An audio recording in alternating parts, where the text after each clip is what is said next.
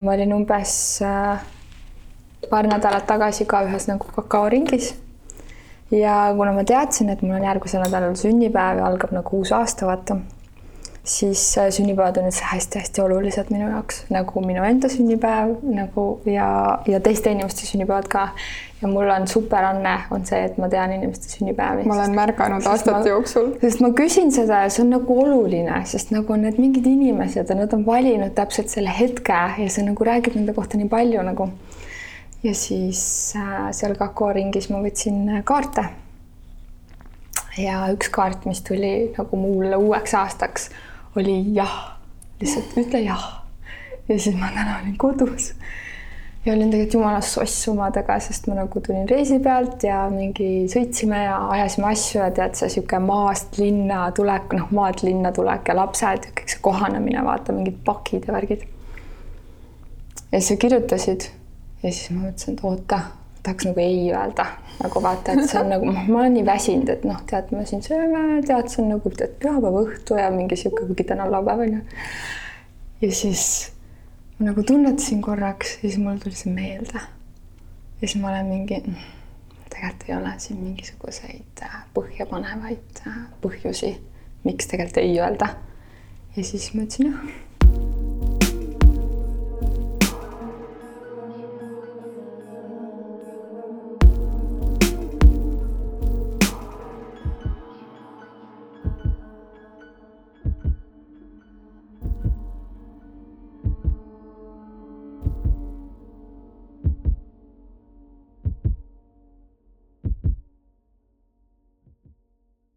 kes see, kes see Ingrid on, kes mulle praegu jah ütles? kes see selline tegelane on, sellepärast et ma korraks mõtlesin selle peale, kuna sa oled mul ka selles nimekirjas olnud tükk aega, kellega ma sooviksin salvestada meie podcast armastusest episoodi ühel hetkel. ja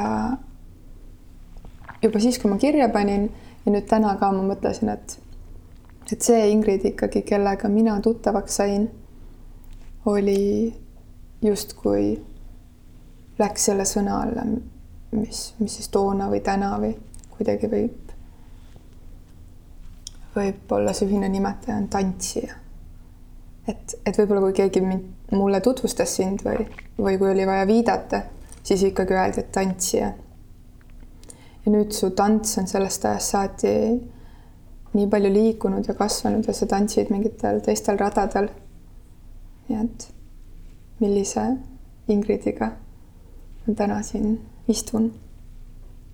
see tantsija koht vist äh, äh, minu enda jaoks äh, tundub selline nagu natukene mingisugune nagu mingi teine reaalsus või, või mingi teine elu, aga nagu selline reaalsus, mis oli selline esmane äh,, läbi mille nagu avastada äh, maailma ja siis see tantsu ja tantsija vorm oli mulle kuidagi kõige omasem, mis jäi mulle kuidagi külge või kuidagi haakus minuga.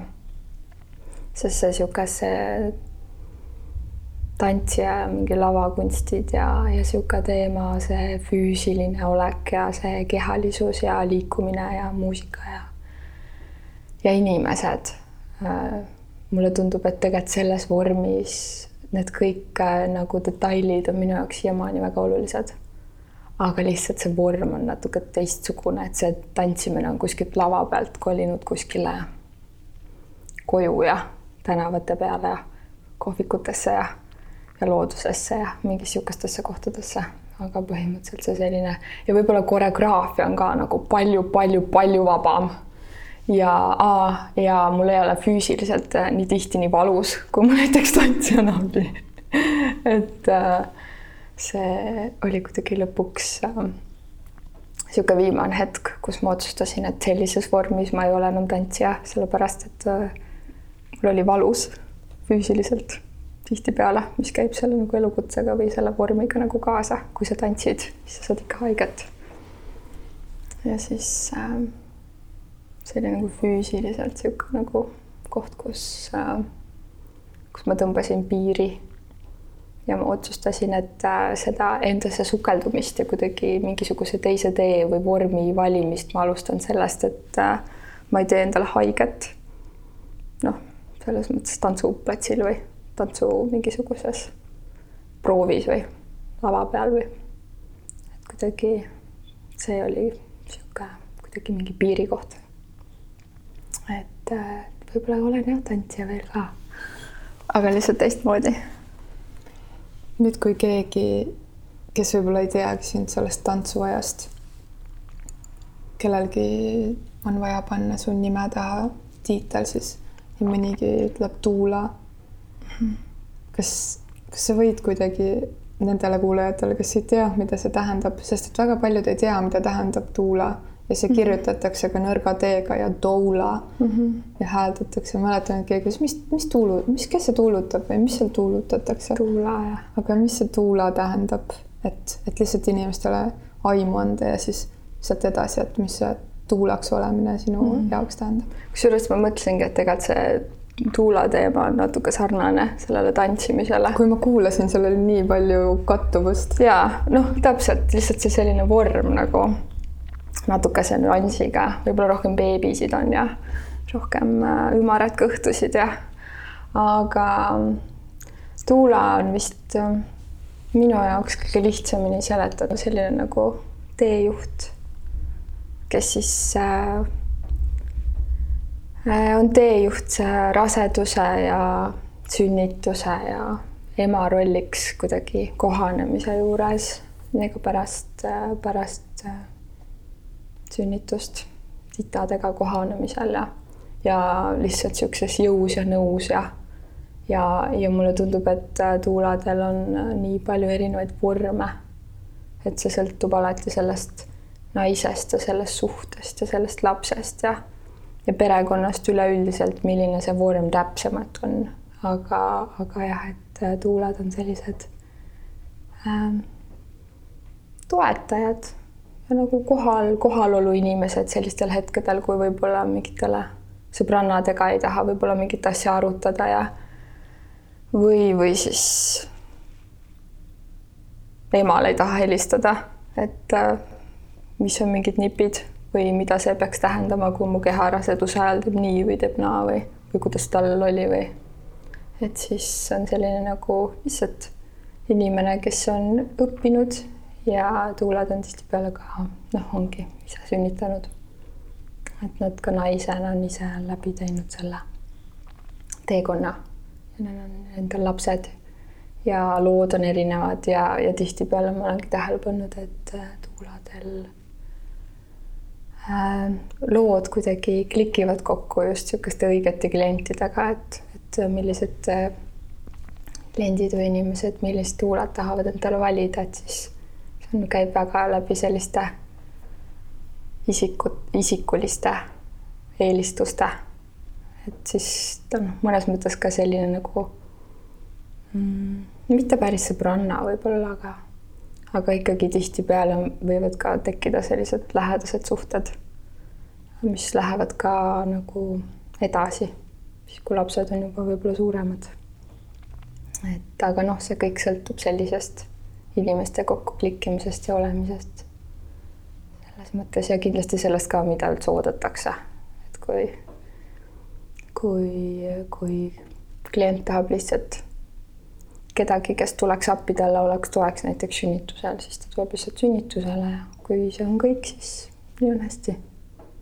selles mõttes. aga kuidas sinul see klikk või, või huvi selle tuulanduse vastu järsku tõusis, sest et ma tean ka palju naisi, kes on sünnitanud ja, ja siis üldse ei taha enam selle titemajandusega tegeleda, on ju, et pigem nagu liiguvadki selle lapsega kasvades koos nendel radadel, kus siis midagi toimub teatud vanuses. aga just see, et see, et see beebilõhna isu sul ära ei läinud või et see, et see lapsi kandvate naiste väljas olemine, mis ongi väga maagiline hmm.. et kuidas, kuidas see isu kasvas või see teadmine tuli või? see oli vist äh tollel hetkel, kusjuures see selline, see teema, need rasedad ja äh, seks ja rasedad ja suhted ja kõik siuksed asjad, see on tegelikult mul kogu aeg olnud.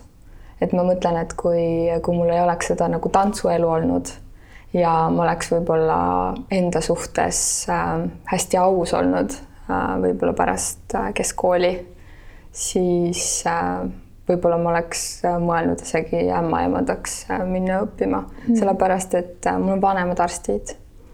Ja mul on kuidagi need igasugused arstiraamatud kodus ja, ja nende selline mitte, et see õhkkond oleks olnud väga akadeemiline ja niisugune mingi arsti õhkkond mul kodus, aga et lihtsalt, et see noh, kokkupuude nende teemadega oli mingisuguses täiesti niisuguses vormis, et ähm, väga vaba nagu varakult äh, me rääkisime sellest ja me vaatasime mingisuguseid raamatuid ja siis ma käisin ise neid raamatuid vaatamas ja siis ma juba tahtsin mingeid dokumentaalfilme vaadata, kuidas need lapsed arenevad ja kuidas nad tulevad ja mis värk see seks on ja kuidas see kõik käib, on ju ja siis, ähm, et see kuidagi on kogu aeg olnud ta lihtsalt nagu ütleme, teismelisena võib-olla nagu liikus mingisugusesse teise vormi. noh, selles mõttes, et siis see on nagu need beebiteemad, aga, aga neid beebiteemasid tegelikult ma jälgisin kogu aeg, ma olen seda kogu aeg teinud. et äh, jälginud seda, et kuidas, kuidas inimene üleüldse nagu siia maailma saab või kuidas ta areneb või või kuidas naised äh, rasedust kogevad või, või mis asi see üldse on ja et nad meil kõhus peavad kasvama. ja mingid niisugused erinevad mingid ähm, noh, et seda kõike ma tegelikult olen jälginud ja, ja, ja siis äh, juba lapsepõlvest peale olen ma olnud väga suur Pere ja Kodu ajakirja fänn. niimoodi, et ma nagu mingi varateismelisena lapsena käisin poest seda endale ostmas, sest need lood olid lihtsalt nii toredad. noh, erinevad niisugused, millised perekonnalood on ja kuidas suhted töötavad ja ja, ja kuidas, milline rasedus on ja mis tunne see rasedus on, jälle läheb kehaga kokku, vaata mm, -hmm. et see oli ka üks hästi kindel põhjus, miks ma teadsin, et miks ma kindlasti, kindlasti tahan nagu, nagu noorena emaks saada. et äh, ma tahaks lihtsalt teada, mis tunne see on. ja siis äh, ja ma nagu noh, seda niisuguste lähedasemate inimestega olen jaganud ka. ja, ja igasugused tead, kassikeste poegimised ja niisugused asjad, noh, kõik need asjad on tegelikult väga nagu minuga kaasas käinud aga lihtsalt jah, teismelisena niimoodi, see oli mingisuguses niisuguses sess, et siis olid nagu suhted lahedamad ja seks lahedam ja mingisugused niisugused äh, sellised teemad nagu lähedussuhted ja erinevates vormides. aga, aga jah, see selline nagu äh, tuula koht tekkis siis, kui ähm, hmm, ma olin ise saanud oma esimese lapse ja ma avastasin, et selle süsteemi juures, selle protsessi juures on nii palju mingeid asju, millest keegi ei ole mulle rääkinud. Ja mitte üheski raamatus ei ole mingeid asju kirjutatud. Ja nagu ma tundsin ennast hästi petetuna, sellepärast et äh, ma teadsin, et mul oli kuidagi nii selge nägemus, äh, et äh, kuidas seda kõike saab läbida, on ju, noh, see on vist niisugune klassikaline nagu ähm, esmaraseda teema. kas sa kujutasid nagu... ka ette kuidagi, et kuidas sa sünnitad ja milline valgus on ja kuidas su juuksed on ja kuidas see kõik on väga romantiline? ma täiesti kujutasin ette seda, kuidas ähm, kuidas äh, see, see intensiivsus mu kehas, see ka, et äh, üleüldse, kui ma olen näiteks vaadanud kunagi äh, ma olen aru saanud, et see ei ole tegelikult, et kõigil naistel ei ole niimoodi, eriti kui ma vaatasin oma, oma tütart, kes vaatas ühte sünnitusvideot ja mis reaktsioon tal oli. et äh, minu jaoks on nagu sünnitusvideod olnud alati hästi kuidagi erootilised ja ma kujutasin seda nagu väga erootilisena ette, nagu täiesti tõsiselt, et ma ei mõelnud isegi nagu valguste asjade peale, aga ma olin täiesti valmis selliseks nagu intiimsuseks, mida see sünnitus pakub nagu. Ja selleks naudinguks ja selleks avanemiseks ja selleks nagu vastuvõtmiseks. Ja siis, kui August hakkas sündima, siis ta sündis niimoodi, et äh, mul tulid veed äh,, siis hakkasid kohe üliintensiivsed valud ja põhimõtteliselt äh, noh, a la paari-kolme sünni nagu tunni pärast oli sündinud, aga see oli nagu täiesti mingi, ma ei saanud üldse aru, et mis see nüüd toimus või mis asi see oli ja see intensiivsus ja kõik see nagu kokku oli täiesti, ma mõtlesin, ma noh, ma jooksin täiesti kokku nagu, et minu vastuvõtmine ja mingi minu kohanemine, sest kõik ju räägivad seda, et esmasünnitused on hästi pikad võta aega, kõik läheb aega, siin läheb kaua aega. Ja siis see lihtsalt käis nagu välk ja pauk ja minust nagu sõitis rong üle ja siis see poiss nagu mingi hüppas minust välja ja siis ma olin seal ja mõtlesin, issand, kuidas ma siia sain, mida ma siin teen, kus on minu keha, et mm, mul oli hästi huvitav kogemus enda sünnituse ajal oligi, et need siuksed vahetult enne siis äh, augusti siis tulekut mul tekkis niisugune koht sünnituses, et ähm, ma olin, ma kogesin seda, et ma olin nagu oma kehast väljas, ehk siis äh, maandus kadus ära. ja ta, ma nagu kuidagi tõstsin oma sellise noh, mu sagedus tõusis nii kõrgeks või õigemini ma olin oma kuidagi kehast väljas, et ma ei suutnud nagu kehas kohal olla selle intensiivsuse sees, sest see oli natuke niisugune hirmutav, on ju ja mul ajus lülitus välja see koht, mis oskaks rääkida, kõnekeskus lihtsalt lülitus välja. ja mul ei tulnud eesti keel meelde. ma olin täiesti tegelikult nagu kohal, selles mõttes kohal, et ma sain aru, mis ruumis toimus, ma sain aru, kui, kui minuga räägiti ja siis, kui ma tahtsin nagu hakata rääkima, vastama midagi, et kõik on korras, vaid ma tahaks ennast liigutada või teha, siis, siis äh, mul ei tulnud sõnad meelde. Eesti keel lihtsalt oli välja lülitatud. ja siis ma mõtlesin hmm,, noh, mis koht see on, on ju. ja äh, selle pealt äh, see oli hästi sihuke kummaline ja kummaline ja sihuke veider kogemus, et äh, pressid tulid peale, siis mul tuli see maandus tagasi, tuli ka äh, rääkim-, rääkimisoskus tuli tagasi. aga et sellised, et see oli ka niisugune natuke selles osas nagu spirituaalne, kui ma lootsin, et mu sünnitus on kuidagi naudingurohke ja spirituaalne, siis seda ta oli, aga ta oli nagu mingisuguses hoopis teises vormis, mida ma ei osanud üldse oodata. ja, ja läbi selle mulle tunduski, et seal oli veel nii palju nüansse kogu selle sünnitusprotsessi juures mm millest nagu keegi mulle ei osanud ka rääkida võib-olla, mitte et keegi peaks tulema mulle rääkima, aga isegi nagu raamatutes, mida ma uurisin või mingitel loengutel, kus ma käisin või mingid sünnituslood, mis ma lugesin. sest ma olin hästi äh, avatud, et äh, ma olin palju sünnituslugusid enne lugenud ja rõõmuga kuulasin igasuguseid lugusid. ja siis äh, selle pealt kuidagi tekkis see tuulanduse teema veel eriti.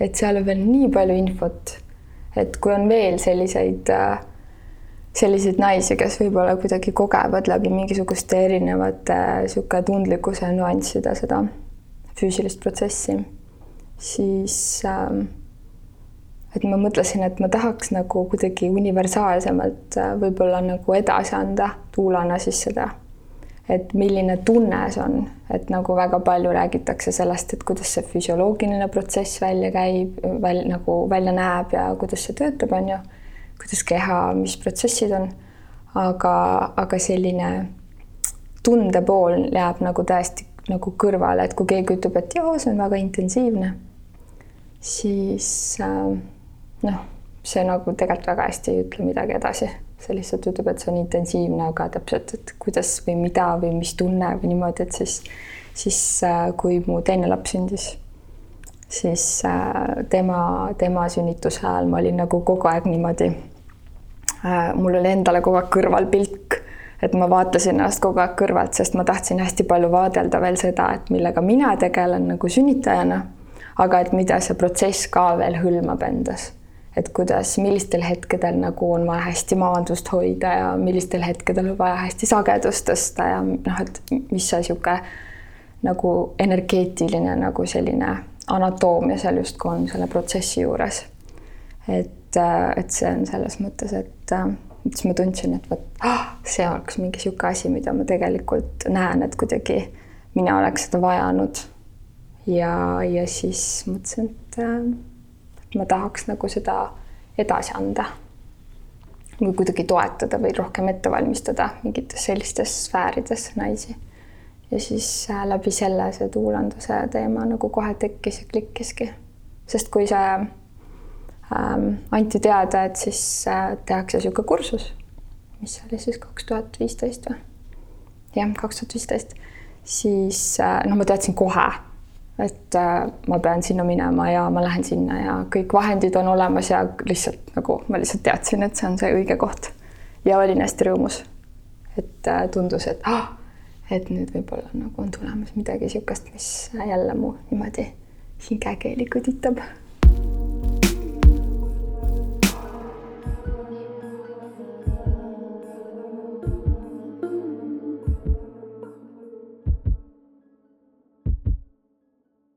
kuidas see üldse niimoodi võimalik on, et, et naised on ju noh, kunagi ma ei tea, mida iganes see aegade alguses tähendab, on ju, aga nagu koos sünnitanud või et, et seal on olnud rohkem naisi kui, kui, kui, kui sina üksi kellegagi. loomulikult on olnud ka mingeid selliseid äh, sünnitusi, kus, kus ongi keegi üks ämmaemand, aga, aga need lood, et nagu naised nii-öelda valmistusid sünnituseks koos ette või see mingi naiste tugi, et kuidas see äh, on justkui nagu ära kadunud ja see tuulandus ka samamoodi, et see, sa ütled, et kaks tuhat viisteist, kas see oligi Eestis esimene kursus?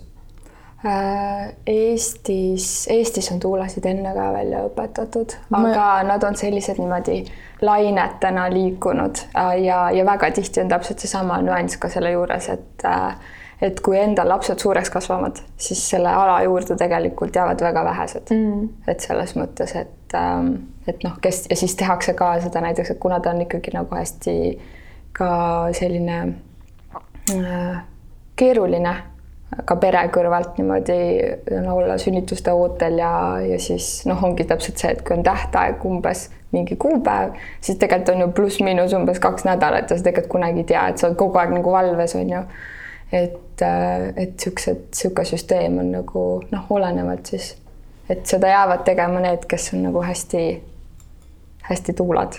aga ikkagi seda sünnitoetust ei ole justkui tükk aega niimoodi ametlikult nagu olnud haiglate ja kõige juures. jaa et äh, seda küll, jah. et nüüd on see on see... olnud pigem selline natukene, kui varasemalt ka on ju see käinud pigem kodusünnitustega kaasas mm. -hmm. et selles mõttes küll jah, et, et see on nagu kuidagi praegu, praegu on naised hakanud rohkem avastama seda, kuidas see kvaliteet saaks olla mõnusam. ja kuidas? ütle, ütle edasi et, et saaks olla mõnusam see kvaliteet, kuidas seda kogeda või, või et on ka erinevaid vorme, et ei pea alati olema niimoodi, et et ongi üks vastus, et sa oled rase ja siis sa otsustad, et ma nüüd lähen lihtsalt sünnitusmajja ja siis sa lähed sünnitusmajja ja siis tita sünnib ja siis tuled koju ja siis hakkab elu peale. et, et sellest mulle tundub, on saanud selline mm, et seda sünni, sünnituse hetke naise elus kuidagi väärtustatakse rohkem või seda on hakatud rohkem märkama, on ju, et milline on see kvaliteet ja, ja kuidas, kuidas on võimalik seda kogeda ja millised on need ka nagu väärtushinnangud endal.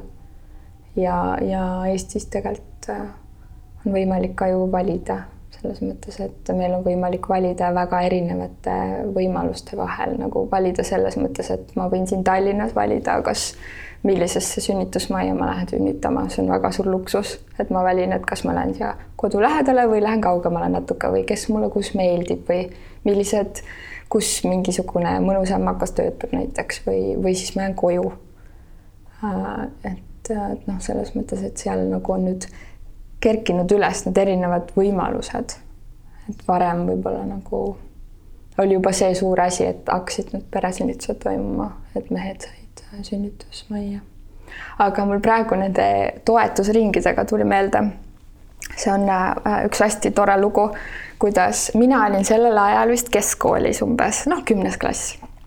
ja mina suhtlesin ühe niisuguse seltskonnaga, äh, kelle, kelle ühe siis, ühe mu klassiõe Peika äh, siis peres oli üks tuula ja tema hakkas sünnitama enda lapsi, siis, siis see sõber rääkis, et oo jaa, et et tema pla plaanib sellist nagu kodusünnitust, et siis nad lähevad kõik sinna metsamajja, need naised, ja siis seal on suur vann ja siis kõik need naised on seal ümberringi ja hoiavad käest kinni ja siis ta sünnitab.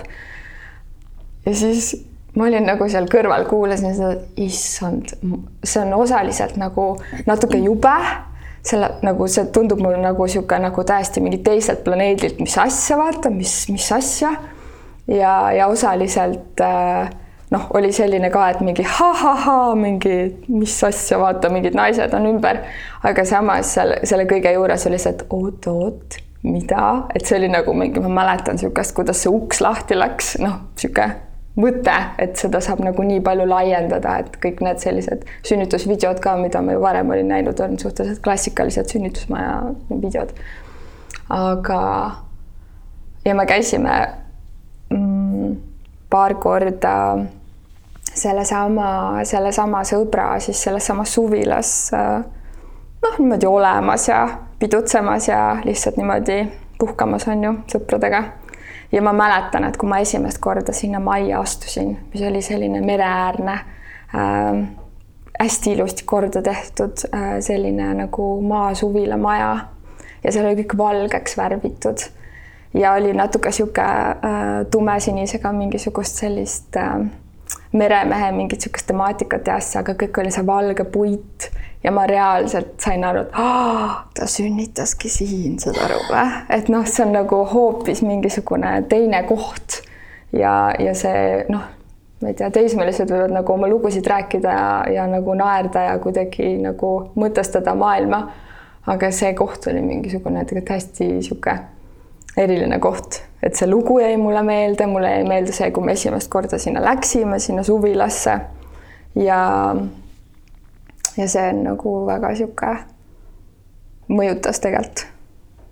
Ja nagu laiendas mingisugust mõistmist või mingit, mingit reaalsust või mingit võimalikkust. et, äh, et jah, ma juba siis kümnendas klassis mõtlesin selle peale, et hmm, huvitav, kuidas mina sünnitada tahan siis. Hmm.. Noh, et kui on nii palju erinevaid võimalusi, vaata. et selles mõttes. sa ütlesid ka, et naised on nagu oskavad küsida või oskavad tahta või mingi teadlikkus, et, et endale tuge küsida sünnituseks või, või juba, juba raseduse ajaks. mis sa arvad? me oleme sinuga niimoodi enam-vähem ühes vanuses, et ja, ja võib-olla teeme sellist tööd, mis pisut on võib-olla rohkem seotud kuidagi naistega. et kas see on lihtsalt sellepärast, et me märkame seda oma töös ja igapäevas või sa tunnetad, et kuidagi üleüldiselt ka inimkonnas on äh, naised hakanud kuidagi rohkem otsima oma mingit, ma ei tea, sisemist väge või, või et isegi need naised, kes võib-olla igapäevaselt sellega kuidagi ei toimeta, võib-olla on hoopis mehisemates asutustes või, või mida iganes, et kuskil on midagi hakanud sees nagu võbelema ja kuidagi, et et naised otsivad tegelikult niisugust nagu naiseks kasvamise teed, et seda teadlikumalt käia. et kas me lihtsalt kujutame seda sellepärast ette ja näeme seda rohkem, et me sellel alal igapäevaselt liigume või see on kuidagi rohkem üldiselt ka nii? mulle tundub, et see ikka sõltub väga palju ka meie sellisest reaalsusest. Et äh, on ka väga palju neid naisi, kes selle üle ei mõtiskle.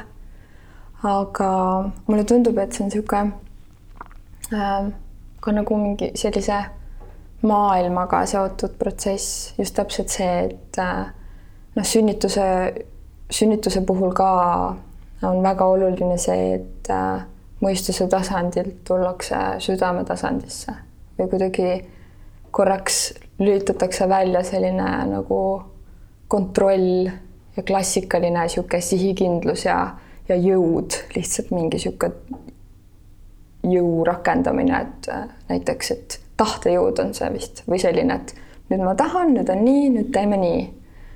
et, ähm, et mulle tundub, et ähm, et mina ise vist liigun selles laines ja, ja seetõttu ka siis ka tegelen naistega ja üldse inimestega, kes kuidagi ka mõtestavad ja, ja on uudishimulikud selles osas, kuidas, äh, kuidas kogeda siis läbi, läbi intuitsiooni või läbi tunnetuse või või, või siis mitte, et kohe võib-olla mingi mõistuse pealt tunnetuse hüpata, vaid et äh, kuidas hoida seda tasakaalus, et kuidas valida neid hetki, kus juhib mind mu pea ja kus juhib mind mu süda ja kus on, kus on see koht, kus ma tunnen, et, et äh, võib-olla nüüd on vaja nagu lihtsalt alistuda ja andeks anda. ja, ja kus on need hetked, kus äh, on vaja edasi minna, sellepärast et veel ei ole see hetk, et alla anda näiteks. Et on vaja nagu edasi minna lihtsalt puhtalt selle pealt, et võib-olla intuitsiooni pealt sa tead võib-olla, kuhu sa välja jõuad, aga need hetked ise võib-olla on väga väljakutsete rohked. et ähm, et äh, mulle tundub küll, et, et inimesed äh, rohkem praegusel ajal äh, on hakanud seda oma sisetunnet ja, ja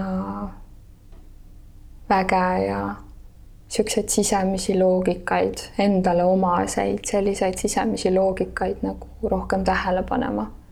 aga, aga loomulikult on olemas ka nagu need inimesed, kelle jaoks võib-olla see tuleb nii lihtsalt, et nad ei panegi seda tähele, et nad ei teegi seda teadlikult, nad lihtsalt elavadki nii ja siis võib-olla need, kes võib-olla, võib-olla veel kuidagi kasutavad mingisuguseid teisi nippe ja loogikaid elamiseks ja siis kogevadki selliseid nippe ka kogemustena, et mis siis mingisugused sellised, selline otsuse ja tagajärje selline ühendus tekib seal. et äh, ma ei tea, ma arvan, et nii ühte kui teist, et nagu niisugune tunne, et kõik on olemas, et et äh, on küll selles mõttes niisugune, ma arvan küll, et on olemas niisugune meie mull mõnes mõttes ja siis on olemas ka tegelikult see koht, kus ma arvan, et ma arvan, et sa oled ise ka seda kogenud, et tegelikult saad aru, et ah, ja ikkagi on nagu süsteem on laiem alati igasuguste tegelaste osas ja igasuguste valikute osas. et ma võtan nüüd seda hästi natukene nagu küsimusena ja siis vastan mm -hmm. küsijana, et et ma vahepeal lihtsalt ise kahtlustan, et kas ma elan mull, mullis on ju mm -hmm. või, või nagu, et aga mitte lihtsalt ei kahtlusta ja siis elan oma elu edasi, vaid luban iseendal kahelda selles, mida ma teen või mis väärtust ma loon või mm, -hmm. või, või kui oluline see väärtus on. et mingis mõttes nagu justkui see kõlab ka väga mullis lausena, aga et tõusta endast kõrgemale kusjuures natuke vaadelda seda või nagu Aha. proovida vaadelda seda nagu mingi teisiti arvajate pilguga mm, -hmm. lihtsalt neutraalselt mm -hmm. ja võib-olla lihtsalt seepärast, et neid mõista. sellepärast, et minul samamoodi oma mullis on, mis sest, et joogaõpetajana või nagu kuidagi meditatsiooni ringi hoides on ju äh, noh, on ju, võib igasuguseid sketše teha teemadel, kuidas on ju, et ära anna hinnanguid ja mingeid asju, aga see on nii inimlik, me teeme seda kõik, on ju.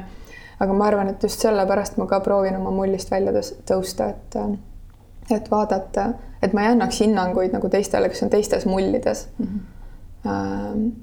ja siis samas näiteks teega on ju, et kui ma, kui ma nagu kohtun ikkagi naistega, kes justkui või noh meestega, inimestega mm, -hmm. kes justkui on siis teistest mullidest mm, -hmm. siis ikkagi selle teekausi taga nagu on kõik nii üks, et need lood on ikka nii universaalsed ja, ja ikkagi nagu, et seesama noh, täpselt sama vastus, mis sul mm, -hmm. aga lihtsalt huvitav kuulda see koosolemise tunne, vaata su vastusest ka praegu nii hästi tuli see välja ah,. üks asi, mis ma mõtlesin, see, et see skeptilisus on lihtsalt ka üks lemmikrosin mul maailma suhtes üleüldse nagu et äh, just see, et sa küsid ja vaatled.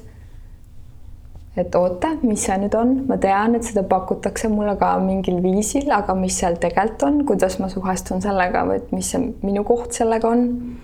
ja aga ka see ühenduse tunne, et äh, viimast just oma sünnipäeva ajal siin nüüd kevadel ja ma olen selle mm, sellest samast koosolemise tundest nii kuidagi mõtisklenud iseenda keskis nii palju, sellepärast et, et see on vist mul mingi sihuke äh,, mingi sihuke põhikoht, et ma näen, et tegelikult äh, võiks tekkida, mitte võiks tekkida, aga, aga see potentsiaal inimeste vahel seda ühendust luua tegelikult on nii hea.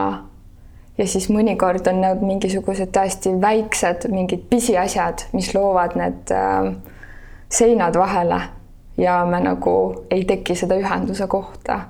ja, ja praegu siin nüüd kevadel ma olengi väga palju vaadelnud ja noh, iseennast vaadelnud kõrvalt ja vaadanud, kuidas mingisugused äh, situatsioonid ja mingid rahvaste sellised kokkusaamised võib-olla kokku klikivad ja kuidas ühendused tekivad ja kuidas nad ei teki.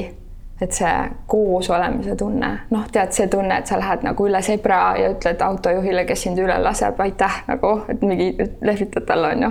noh, mingi sihuke see, et tegelikult me oleme niikuinii siin kõik koos, et ükskõik, mis mulli sees me elame või ma ei tea, milliseid valikuid teeme või millist kakaod joome või millist teed joome.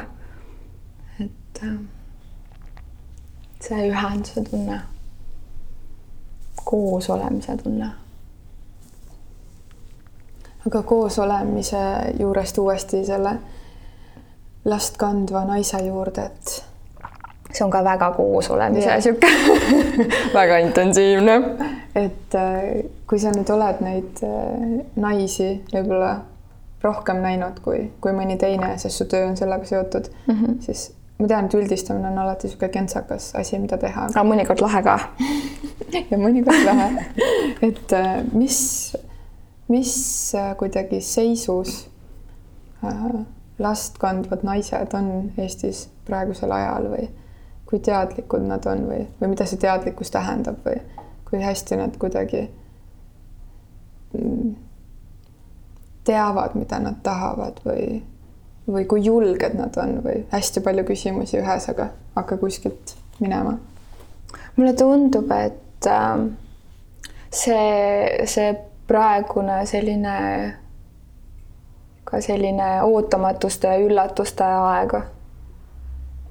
Ähm, on väga tegelikult äh, just lammutabki neid mingisuguseid vanu struktuure ja kuidagi panebki rohkem mõtlema ja tunnetama seda, et äh, kuidas ennast ette valmistada näiteks. Või et äh, noh, et näiteks, et kui sa tead, et sa nüüd pead minema niimoodi, et sa oled nagu arvestanud sellega, et sa lähed sünnitama sünnitusmajja niimoodi, et sul on mees alati kaasas, see on nagu väga iseenesestmõistetav tegelikult olnud. noh, see on nagu nii loomulik juba.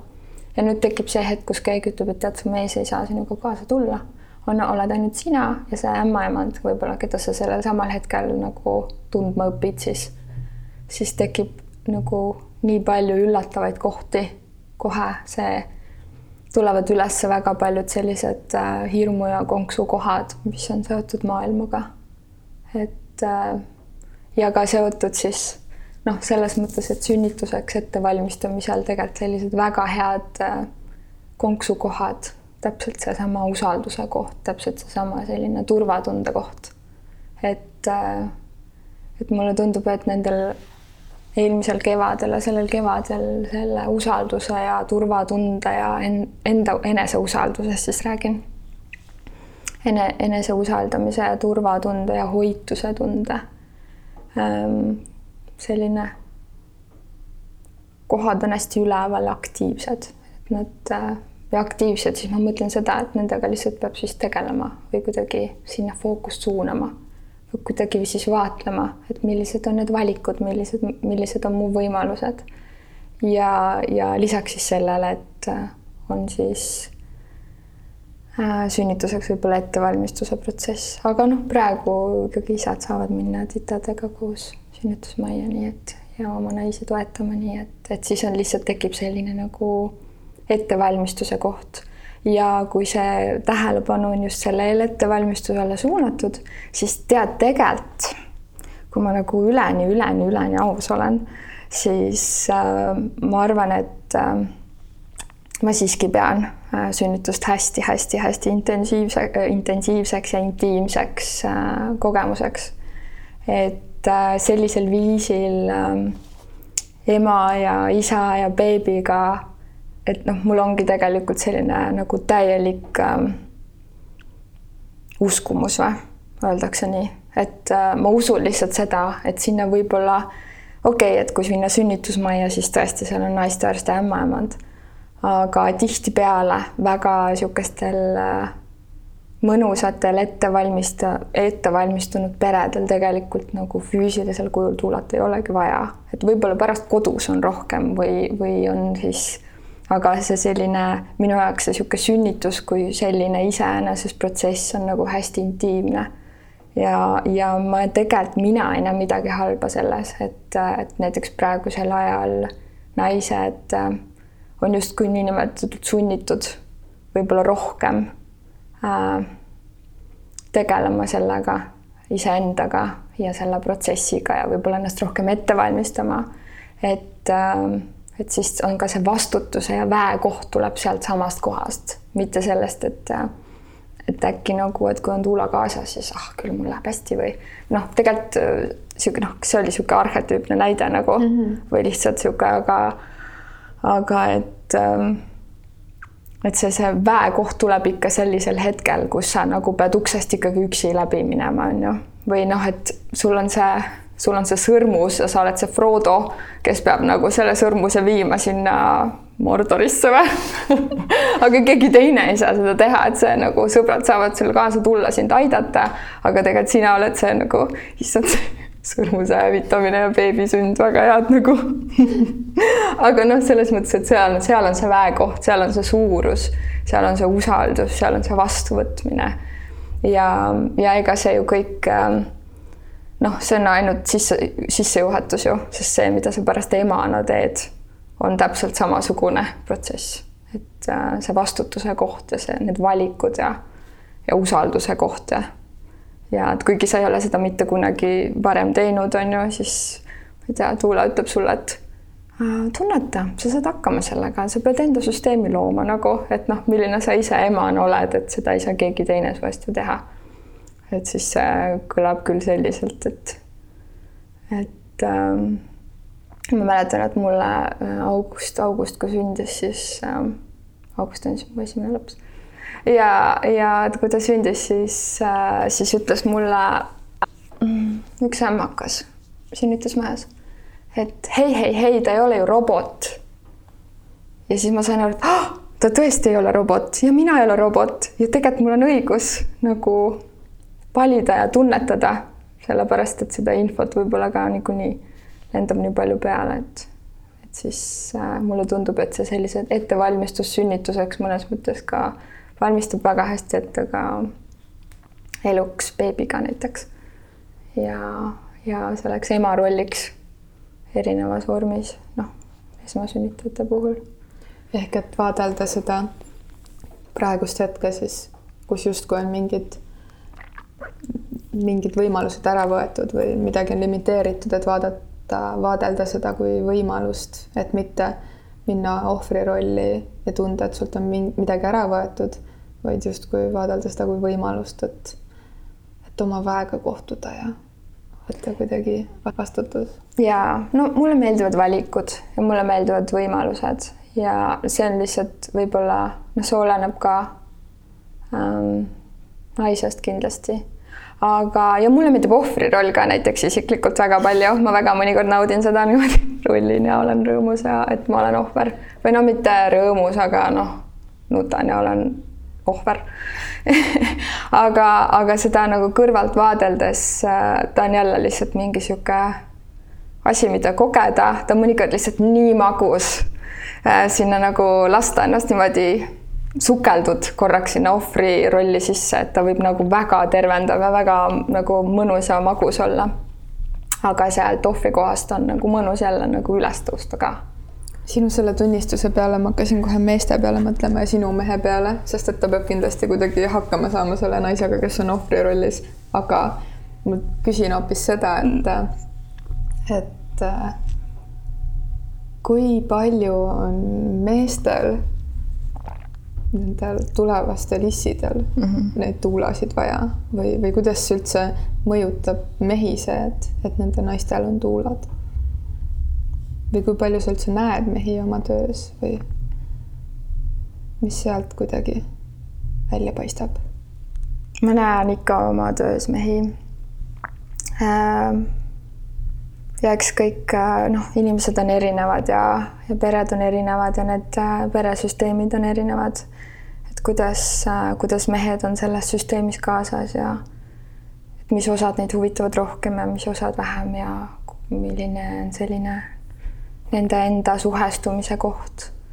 aga mulle tundub, et mis tuuladena on nagu, miks tuulad on nagu hästi suur pluss just täpselt nüüd meestele just ongi hästi suur pluss.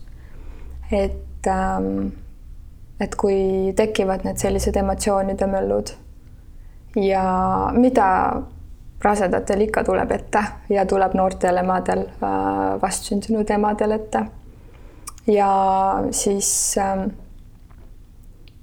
siis tuulad tihtipeale on need inimesed, kes äh, nüüd on see mõistuse ja ratsionaalsuse koht, oskavad seletada, näiteks tõlkida lahti mingeid protsesse, miks mingi asi on niimoodi, miks su naine tundub sulle, et ta on peast segi läinud ja nutab ja, ja tal on väga halb olla. Ja nagu noh, isiklikul tasandil tekitab see hästi abitu tunde lähedase suhtes. ma arvan, et ka minu mees on nagu väga palju seda kogenud, et sa oled lihtsalt seal kõrvalt abitu, sest sa nagu oled justkui kõik teinud. et, et oleks hea, aga ikka ei ole hea et seal on mingid niisugused nüansid, et äh, tihtipeale ma olen äh, nagu näinud äh, meestega suheldes seda, et see selline protsessi lahti tõlkimine on lihtsalt, et ma saan lihtsalt öelda väga ratsionaalselt seletada, mis ta praegu tunneb või mis see protsess on, millest see tuleb, kuhu see suubub, mis sellest välja justkui tuleb, kuidas ta laheneb enam-vähem nagu ja kuidas ta näiteks toetada saab mm. -hmm. kui ta tahab toetada, kui tal on vaja ruumi korraks minna tuulutama ennast, siis ongi täpselt see koht ka, et nagu mehed selles protsessis ka kuidagi ei äh, unustaks ennast ära. Või siis, kui need on just sellised tegelased, kes pigem võib-olla tahavadki minna kogu aeg jalutama. et äh, kuidas, kuidas neil oleks turvaline selles ruumis ikkagi olla ja vaadelda, et tegelikult see, et on lihtsalt kohal, võib-olla muudab väga palju. et, et selles mõttes, et äh, see on jah, niisugune nagu niisugune um, tõlkimistöö, mulle tundub meestega ja, ja noh, avatud suhtlus selles mõttes ja kindlasti, kindlasti see ka, et, et kuna tegelikult sünnituste juures äh, tuulad tegelikult on ju täielikult mm, äh, pere toetusisik sünnitusmajas ehk siis, et äh, tegelikult äh, ma olen seal lihtsalt kohal. aga ma ei otsusta midagi. Äh, ma saan mingeid protsesse tõlkida just nimelt lahti, kui on vaja tõlkida. ma saan emotsioone kuidagi maandada, saan ruumi teha, saan kuidagi äh, hoida, hoida füüsiliselt ja vaimselt, emotsionaalselt seda, seda protsessi aga otsused ja valikud siiski ongi nagu pere suhtes või pere sees on ikkagi peresisesed, mis tähendab seda, et mõnikord on ka hea öelda, rääkida mehele seda juba enne sünnitusmaja minekut, et tegelikult see, kuidas sina oled sinna kaasatud, et sa oled kaasatud juba sinna, et sa võib-olla tunned küll, et ah, see on võib-olla mingi naiste värk või, aga et, et sina saad väga palju oma naise jaoks ära teha ja saad suhelda, et suhtlemine tegelikult on väga-väga oluline. Ja et ei tasu üldse peljata suhtlemist nagu naistearstide ja ämmakatega, et nad on sõbralikud, nad tulevad su naist aitama. Ja kui sul näiteks tekib mingi koht, kus sa ei saa millestki aru, siis lihtsalt küsi sõbralikult, mõnusalt, lihtsalt küsi. Ja nagu nad noh, tulevad vastu. Loomulikult, kui kui on nagu mingisugused keerulised olukorrad, siis, siis saab pärast seda küsida, et informatsioon on alati oluline, et see on ka nagu niisugune koht, mida meestele on nagu hea meelde tuletada mõnikord. Et on küll õigus teha suu lahti ja, ja küsida, et mis toimub ja miks tehakse ja kas on ikka vaja praegu vaja teha mm. mingeid asju, et noh, et see dialoogi koht just ja eneseväljenduse koht, sest äh, sest see mõjutab tervet perekonda seda enam, et naine sellel hetkel nagu ei jõua kõige selle peale mõelda ja. või olla ka nagu see ja. assistent, sekretär nagu asjaajaja. Ja mehed ju tegelikult äh, noh, isegi tuulana mul võib olla nagu väga tore suhe perekonnaga on ju, naisega ja mehega. aga mina ei näe nende kooselu sisse, mina ei ela nendega koos. mina ei ole näinud seda naist varem võib-olla kriisiolukorras. et noh, noh, tegelikult on see koht, et, et nagu see kohalolu ja märkamine ja nagu lihtsalt see, et kui ta on su elukaaslane või abikaasa, siis sa lihtsalt tunned teda paremini. et võib-olla ta on mõelnud näiteks, et ta tahaks, et mingid asjad oleks nagu väga sellised mm, loomulikud ja, ja, ja sellised ähm, mm,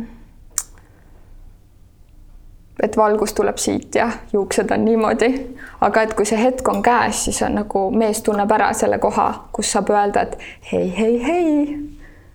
äkki mõtleks niisuguse valiku peale ka.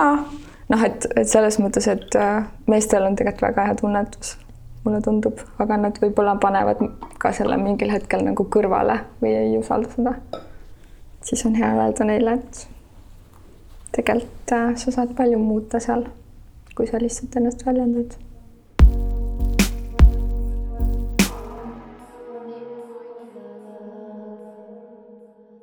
aga sina partnerina, kuidas sa muutunud või kasvanud oled selle ajaga, kui, kui sa oled ise emaks saanud ja nüüd seda tuulatööd tehes, sest tundus, tundus, et väga lihtne on teiste naiste meestele nõu anda.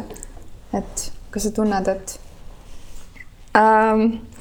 see on väga tore küsimus, sellepärast et äh, ma täna nüüd paar tundi tagasi küsisingi enda mehe käest, et kuule, noh, kas ma, kas ma olen siis tõesti nagu nii ninatark või?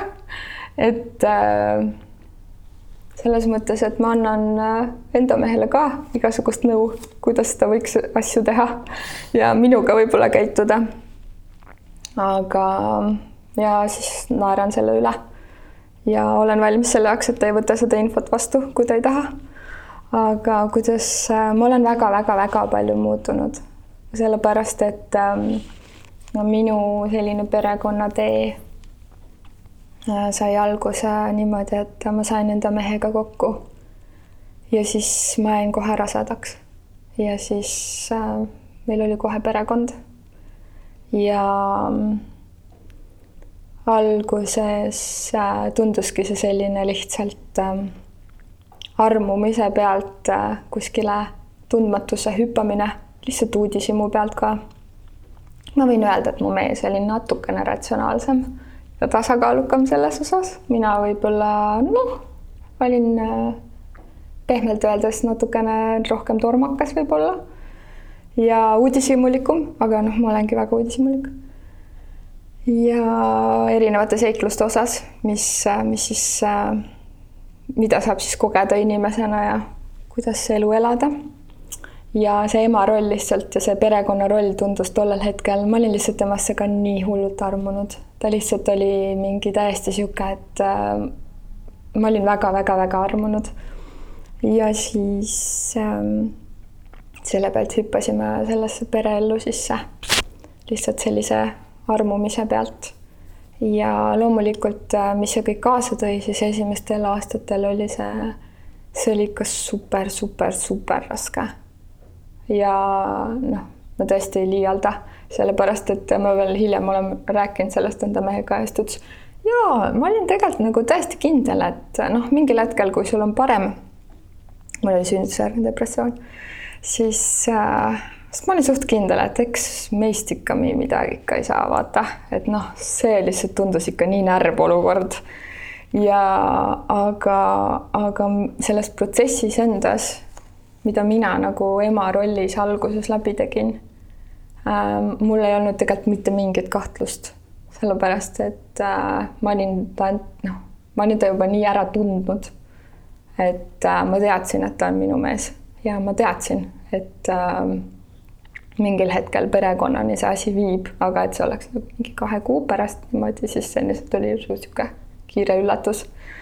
aga ja, ja ja see protsess, selline nagu alg, algusaastate perekonnaks äh, ja emaks ja isaks kasvamise protsess oli suhteliselt selline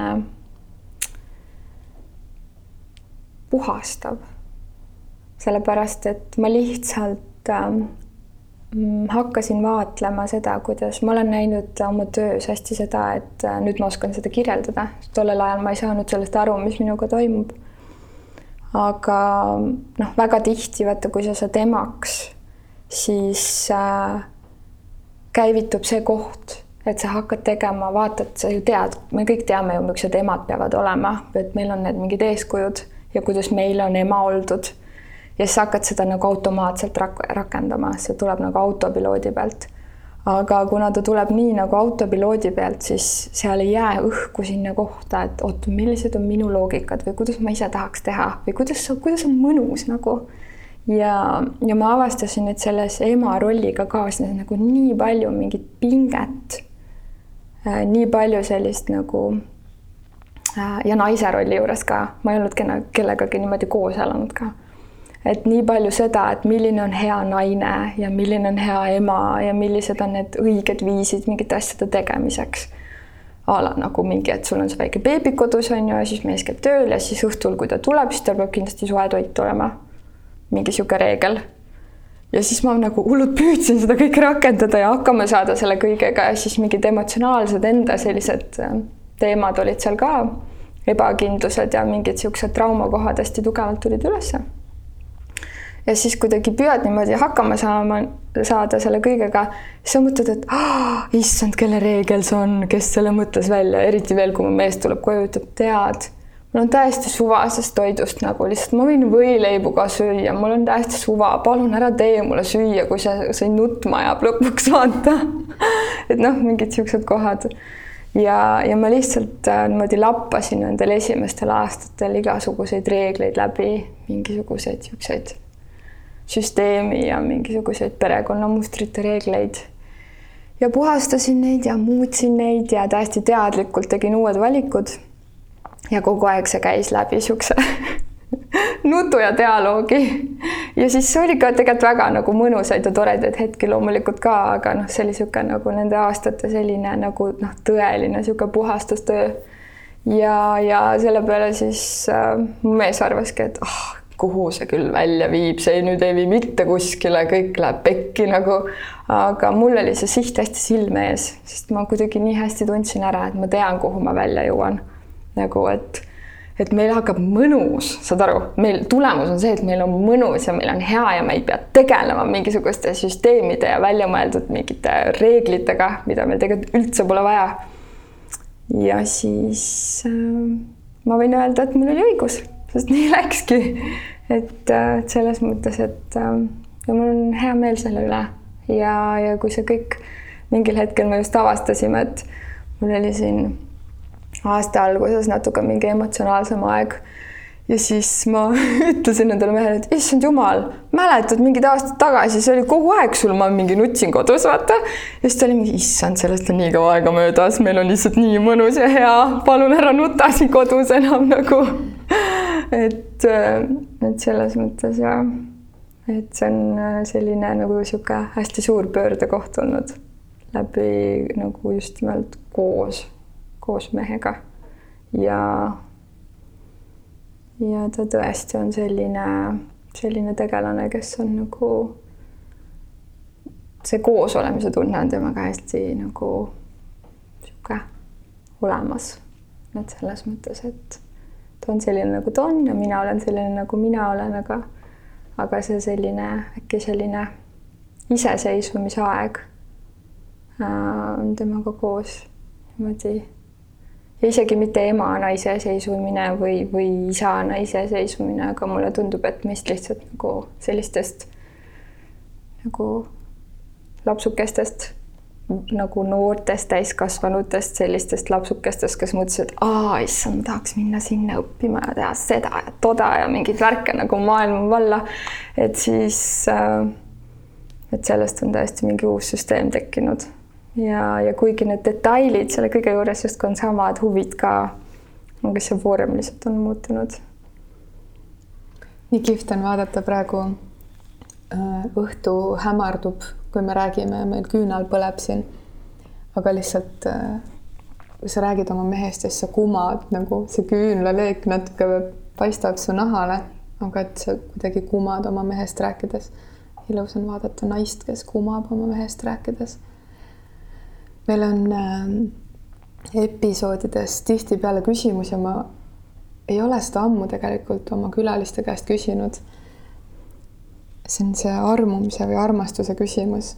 et kui sa mõtled, mis on sinu jaoks esimene mälestus kuidagi armastuse või, või armumisega, siis mis sul pähe tuleb äh,? armastuse ja armumisega äh,. mul on üks selline mälestus, see läheb hästi kaugele hästi,, hästi-hästi-hästi kaugele. see on mu lemmikteema, sest mulle väga meeldib rääkida armumistest, armastusest ja peikadest ja nagu väga-väga-väga. aga üks esimesi kohe, kui sa seda küsisid, siis ähm, äh, kui ma sündisin äh,, siis äh, ma sündisin enneaegsena, ma sündisin täpselt kuu aega varem, kui mind just koju oodata. ja eks ma olin niisugune pisike niru ja selles mõttes, sest mu ema on öelnud, et ma reaalselt nagu olin kõige koledam vastsündinu, keda ta oli näinud. aga nagu mitte üldse halvas mõttes, aga lihtsalt no, nii pisike ja noh, et noh, ikka niisugune veits enneaegne on ju. pisike ikka. ja, ja mitte niisugune ilus roosa pruntis beebi ja hästi suured silmad ja hästi suured häbememokad. see oli mingi põhiteema, mingi see on sünnipäeva jutt meil pärast. ja siis äh, mul oli äh,, mul oli see teema, et äh, mul oli imetamisega teema, ma ei tahtnud äh,, ma ei tahtnud ema piima võtta. ja ma reaalselt äh, mäletan, nagu see on tõesti selline väga-väga kaugele ulatuv mälestus et äh, noh, mul hakati siis äh, riisitummi keetma. ja see mälestus on selline, et äh, mind toitis minu isa. Ja ta pudelist toitis mind selle tummiga ja see viis, kuidas ta mind vaatas. ja kuidas ta seda ise koges, see tunne, mis tal oli, kui ta enda nagu vastsündinud tütart äh, nagu imetas. imetas jah, riisitummiga siis äh, ma mäletan seda hetke ja see on vist mul mingiks kõige esimesi mälestusi, sest noh, niisugused, äh, kuidas ta silmad olid ja kuidas ta mind vaatas ja see tunne, et see tunne oli selline täielik nagu vastuvõtmise tunne, et ta oli mind nii oodanud ja ta oli kuidagi nii uhke, noh, seda oli hästi tunda, et ta oli, ta oli mu ema üle hästi uhke ja ta oli minu üle hästi uhke ja kuidagi see selline erilisuse tunne, mida siis tunneb see noor isa siis, kui ta on nagu just lapse saanud ja tütre.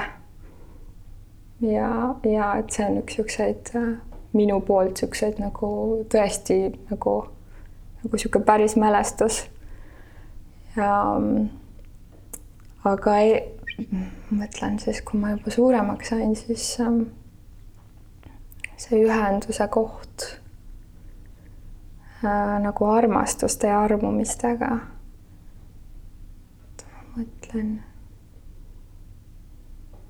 Ma olen väga selline nagu vaimustaja tüüpi, mis tähendab seda, et äh, ma olen nagu kõikidesse oma lähedasematesse sõbrannadesse ja ja väga armunud olnud, et kui ma lihtsalt näen mingit inimest ja ma lihtsalt tunnen ta ära, siis ma lihtsalt vaatan teda ja mõtlen, issand jumal, kust sa tulid siia, sa oled täiesti ideaalne ju. Et seda, seda sellist noh, teismelistena on tulnud igasugused sellised silmarõõmud ja juba sellised suhted on ju. aga, aga selliste lähedasemate sõbrannadega on ka olnud väga tugevalt sellist nagu armumise tunnet ja niisugust ühenduse tunnet. ja, ja siis äh, peikadega ka, poistega ka. Aga poistega on see alati kuidagi olnud niisugune natuke teistmoodi ikkagi, et nagu selline mina olen mees ja sina oled naine. või vastupidi. Et selles mõttes, äh, et niisuguseid kohti. Et äh, ja ma mäletan, et teismelisena mm, mul endal, minul endal esimene Peika oli keskkoolis. selles mõttes Peika, Peika, et kellega nagu me nagu otsustasime, et me nüüd oleme koos. aga et äh, juba vara, varateismelisena oli mul väga-väga hea üks sõbranna, kes oli ühe oma klassivennaga suhtes. ja, ja, ja tema, siis see klassivend oli ka minu väga hea sõber, et me saime tuttavaks ja tõesti, nagu me olime väga-väga head sõbrad et ta siiamaani, tema, tema perekond on niisugune nagu, ongi nagu päris perekond äh, minu jaoks. et äh, nende suhe oli ka nagu kõrvalt vaadeldes nagu nii eriline. Nad olid hästi siuksed, nad olid hästi noored ka, me olime niisugune kolmteist, neliteist. aga, aga seal oli näha nagu kõrvalt sellist, ähm, et kuidas nad poiste ja tüdrukute suhtes, suhted välja näevad ja mis dünaamikat seal on ja et seda siis noh ma niimoodi vaatlesin huviga kõrvalt. mul on ka kerge armumise tunne siin meie vestluse lõpus ja tead, Ingrid, nii ilus on see, et äh, ma ei mäleta, et keegi meie, me oleme ju palju salvestanud juba lugusid, ma ei mäleta, et selle küsimuse peale keegi oleks vastanud äh, jah, nii nagu sa oma isa kohta vastasid loomulikult, aga just praegu siin lõpus, et äh, et üks kogemus armastuse või armumisega, et vaadelda kellegi teise suhet. ja praegu sa ka natukene oma tööd ja tegemisi tehes nagu vaatled mm.. et siis, et siis, kui küsitakse, siis jagada. et see vaat-, vaatlemine on natuke nagu kuulamine mm. see, see vaatlemise koht on ka kuidagi olnud hästi, vaata ta on uudishimuga lihtsalt seotud. et kui sulle nagu näidatakse kui mingid inimesed elavad avalikult siin oma elusid, siis see on hästi põnev. mul on see võimalus ja, ja loomulikult sinna lisanduvad need nüansid, et see viis, kuidas mina asju näen, et kõik inimesed ei näe niimoodi ja nad näevad mingit teisest kohast ja kogevad teisest kohast.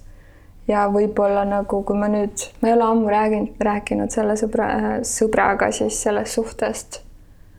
et et, et kuidas tema seda koges või kuidas ta praegu, milline lugu see tema jaoks näiteks praegu on, kui me oleme nagu täiskasvanud pereinimesed. et äh, aga noh, see oli selles mõttes, et ka tema niisugune esimene armastus, et et need, mulle tundub, et need esimesed armast-, esimese armastuse lood on alati nagu hästi erilised.